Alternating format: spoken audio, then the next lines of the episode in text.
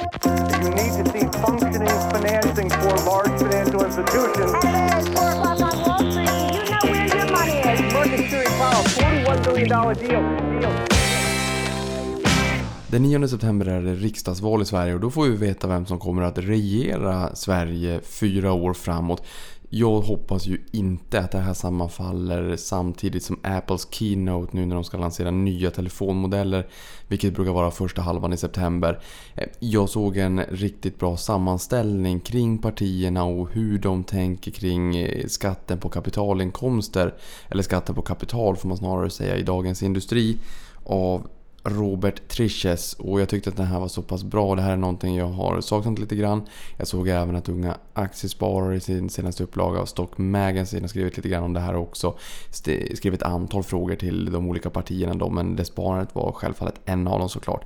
Eh, jag tänkte egentligen bara dela med mig av eh, essensen i Dagens Industris riktigt bra sammanfattning här kring just hur varje enskilt parti ser på beskattningen av kapital. Det är ju inte den enda frågan när det kommer till valet.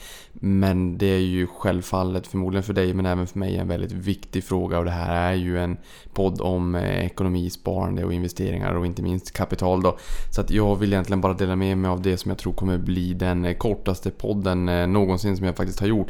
Men lite grann bara för att du ska få lite kött på benen kring hur de olika partierna faktiskt resonerar. Det börjar ju ändå närma sig valet ganska snart så att är just det här en viktig fråga för dig, ja då tycker jag helt enkelt att du ska fortsätta lyssna. Vi börjar med Socialdemokraterna och där ser vi att eh, man aviserar en ny skatt på höga kapitalinkomster. Och riktigt vad höga kapitalinkomster är, det preciserar man inte riktigt men man säger att får vi behålla regeringsmakten då kommer vi att införa en ny skatt på just högre kapitalinkomster. Och eh, vår finansminister Magdalena Andersson menar även att det fortfarande finns en viss eh, rabatt på ISK eller investeringssparkontot då, som infördes i januari 2012. Och ja, det gör det väl. Givet dagens låga ränta. Vi har ju sett eh, regeringen försämra investeringssparkontot vid två tillfällen. Ni vet jag brukar säga att det här är ett svek mot svenska sparare. Det är det.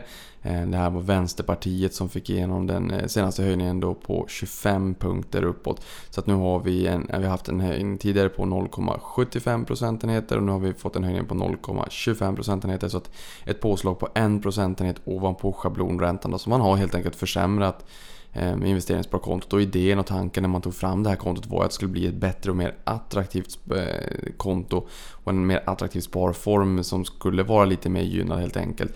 Det här är något som också Riksrevisionen tar upp i sin granskning, alltså sex år senare då som släpptes här för någon månad sedan.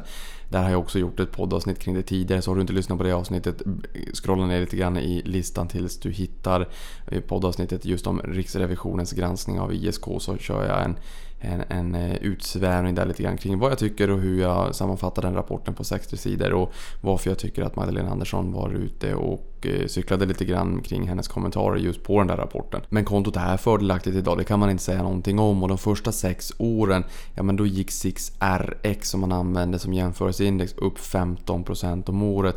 Det är ju ganska exceptionellt får man ju säga, det är ju alltså totalavkastning då inklusive återinvesterad utdelning åren dessförinnan, alltså de sex åren dessförinnan, så var det ungefär hälften. Och över tid så är det nog rätt utmanande att indexet kommer att ge en så pass hög eh, avkastning. Och vi vet ju faktiskt inte hur länge spararna där ute håller sina positioner. Och eh, jag menar, det var Tittar vi på IT-kraschen så var den nedgången 947 dagar och finanskrisen 473 dagar. Det är en rätt lång period med inbetalningar till statskassan trots att man ser värdet på sina besparingar minska. För att man betalar ju faktiskt schablonskatten alldeles oavsett om värdet går upp eller ner. Och vi har ju ingen, ingen riktig aning när man då säljer av sina positioner så att om det då blir en god affär eller inte.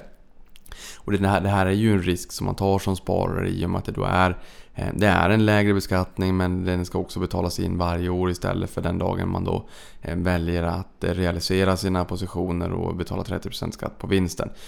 Och om man sätter det i relation och försöker riskjustera det här, alltså den risken man tar att man betalar in en schablonskatt varje år oavsett hur värdet på portföljen utvecklas alltså upp eller ner så kunde inte Riksrevisionen riktigt bedöma om det var riskjusterat en bättre sparform eller inte. Det de däremot sa var att det här förmodligen är en sämre sparform för ränteplaceringar. Eh, och det låter ju ganska rimligt för att eh, statslåneräntan som ligger till grund för eh, beskattningen av investeringssparkonto och kapitalförsäkring, alltså schablonräntan. Det är ju snittet av statspapper med en återstående löptid på minst 5 år. Vilket innebär att har man eh, kortränteplaceringar så tenderar man ju att få betydligt lägre ränta än om det är så att man placerar på lite längre sikt. Placerar man på lite längre sikt, alltså räntepapper med längre duration, då har man ju också en betydligt högre risk den dagen räntorna faktiskt vänder eh, uppåt. Ehm, så att, här har, och dels så ska vi också komma ihåg att man har ett påslag på en procentenhet ovanpå statslåneräntan som då är snittet av statspapper med en återstående löptid på minst fem år. Det gör att det blir väldigt utmanande att få en så pass god avkastning på ett investeringssparkonto eller en kapitalförsäkring att ränteplacering är att föredra. För att brytgränsen går ju egentligen när avkastningen då överstiger eh, schablonräntan, vilket är då statslåneräntan per sista november varje år plus en procentenhet och ett golv på 1,25 procentenheter. Så det kan aldrig bli en, en schablonränta som är lägre än 1,25 procentenheter. Ehm, och det här har gjort att eh, man då bedömer från Riksrevisionens sida att det, det går inte att utröna huruvida det är eh, bättre eller inte för ränteplaceringar. Men de tilltar ju till att säga att det här är förmodligen så att eh, vi snarast avråder från att ha ränteplaceringar i schablonskattat skal. Det är alltså inte längre fördelaktigt. Och det här tror jag också är en utmaning där ute i landet när man har eh, kommit in på ett bankkontor och de säger att investeringssparkonto det är bra, det ska du ha, eller kapitalförsäkring. Och sen landar det en blandfond eller någon form av ränteplaceringar och sen i slutändan så är det inte riktigt bra. Och sen går man inte till banken och, och får det där uppdaterat liksom, utan man, man går i tron med att jo men jag var ju på banken och de sa ju att det här var så bra. Och sen så går åren egentligen bara. Så det, det är väl eh, lite tråkigt helt enkelt. Så just det här argumentet att det fortfarande finns en rabatt på investeringssparkontot, det tycker jag är väldigt tafatt. För då missar man lite grann, man glömmer egentligen syftet med varför man tog fram det här kontot från första början. Eh, sen säger ju Magdalena Andersson till Dagens Industri också att eh, framförallt ökade kapitalinkomster driver på inkomstklyftorna och att en skattehöjning inte är någonting som är märkligt. Men säger samtidigt att vi lever i en globaliserad värld och att det är viktigt att vi har kvar kapitalet i Sverige. Så att jag tolkar det som att man vill äta kakan och man vill ha kvar kakan helt enkelt. Ehm, huruvida den här beskattningen avser, eh, alltså den här ökade beskattningen på stora kapitalinkomster, om det avser sparande eller om det avser fastighetsskatten. För även eh, bostaden är ju, eh, räknas ju som kapital. Ja, det framgår ju inte riktigt, säger Moderaternas ekonomisk-politiska talesperson Elisabeth Svantesson då. Och menar på att vi bör få lite mer information kring vad Socialdemokraterna faktiskt menar med det här. Men det har vi ju inte riktigt fått ännu då. Sen har vi Miljöpartiet Miljöpartiet inga förslag om att höja kapitalskatten eller återinföra arvs och gåvoskatt. Däremot är de öppna för att minska ränteavdraget vilket indirekt blir ju en, en ökad eh, skatt på kapital då, eftersom att det, det fördyrar ju. Det är ju inte så att du får en högre ränta på bolånet men i och med att du får ett minskat avdrag så ja, i summa summarum på sista raden så blir det ju en ökning av eh, skatten på kapital även om, om man får räkna lite omvänt. Eh, men man säger att de här pengarna ska återföras hushållen någon annanstans. Eh, och sen har man inga förslag på att göra om investeringssparkontot. Moderaterna säger att man vill underlätta generationsskiften inom ramen för 3.12-reglerna för företagare då. Eh, och sänka uppskovsräntan vid bostadsförsäljning. Eh, och de tänker inte avskaffa ränteavdragen eller införa fastighetsskatten eh, på nytt. Och det finns ju fortfarande en fastighetsskatt men den är ju kappad och den är betydligt lägre än vad det har varit en gång i tiden. Eh, tänker inte återinföra förmögenhetsskatten, arvs eller gåvoskatten heller. Eh, men den exakta nivån på investeringssparkontot, mm, den vill de inte precisera men säger att det är viktigt att skattebördan på vanliga människors sparande hålls nere och det är väl bra. Det ska ju finnas incitament tycker jag att spara snarare än låna. Vi bör ju rimligtvis uppmuntra gott beteende och att man bygger upp buffertarna i, i, i, eller bufferten i ladorna helt enkelt för att vi ska ju leva betydligt längre sägs det ju numera samtidigt som man kanske vill gå i pension vid 65 men ska man då leva till 100 då behövs det ju lite slantar också. Centerpartiet vill sänka skatten för småsparare genom att återställa regeringens höjning av skatten på investeringssparkontot. Eh, om det är den första eller den andra eller båda två, det framgick inte här. Utöver det pekar man på rättvisa och konkurrenskraftiga kapitalskatter som en eh, del av en skattereform.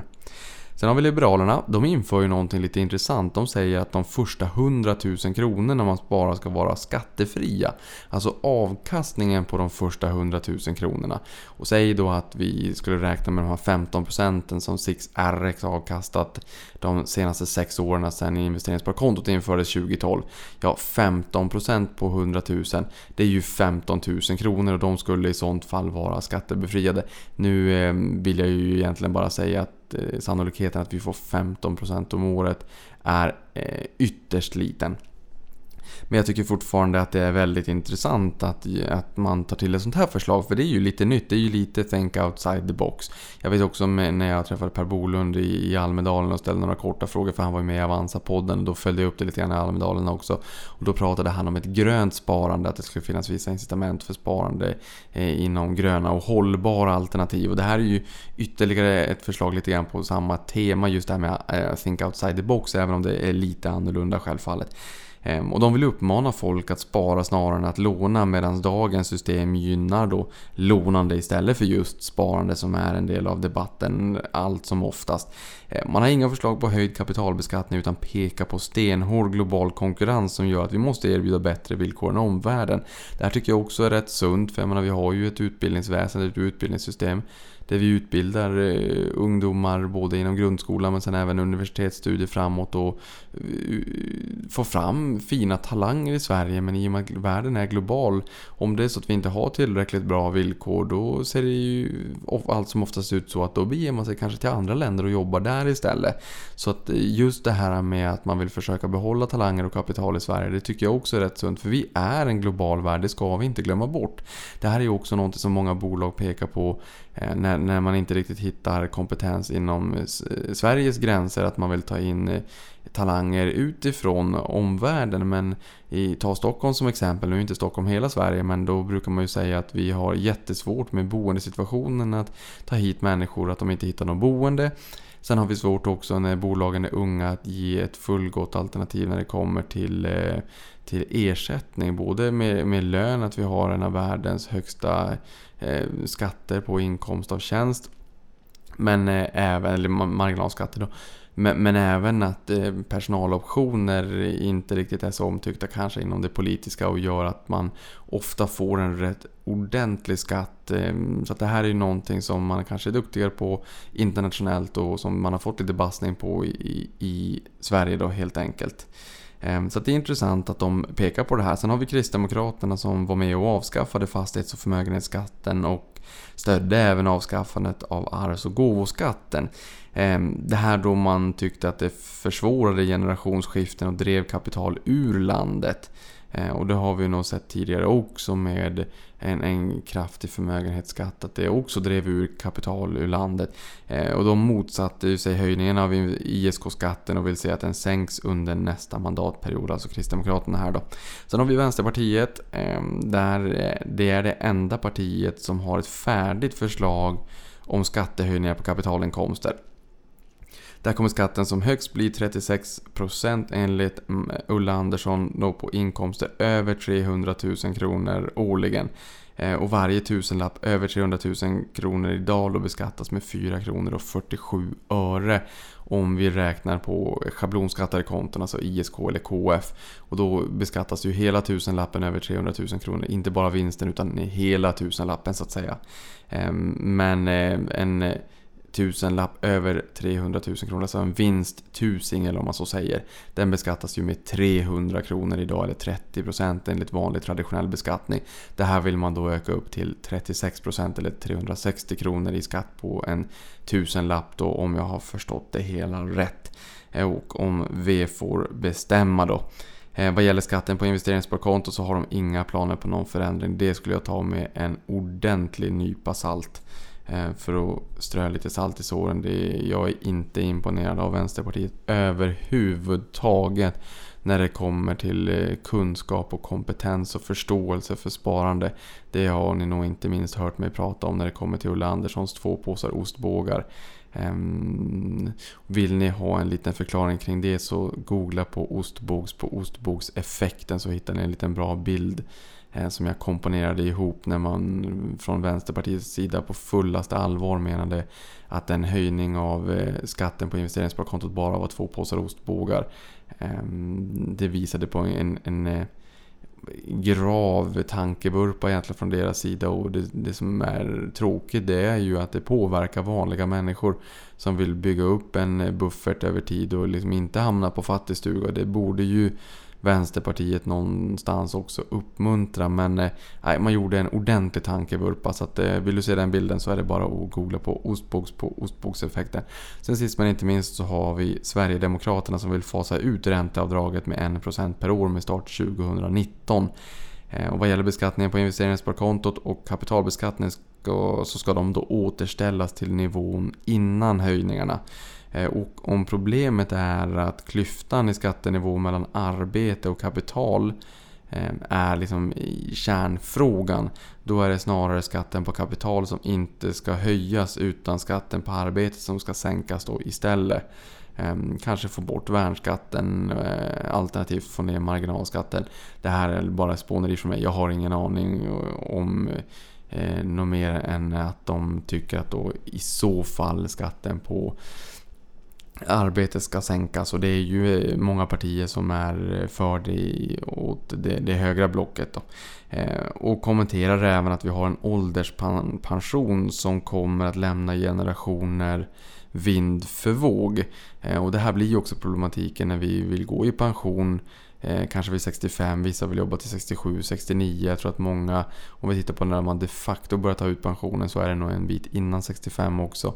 Eh, samtidigt som vi förväntas leva allt längre så behöver vi ett hållbart pensionssystem självfallet. Eh, det här var en sammanfattning över de etablerade partierna och hur de står i frågan kring just beskattning på kapital.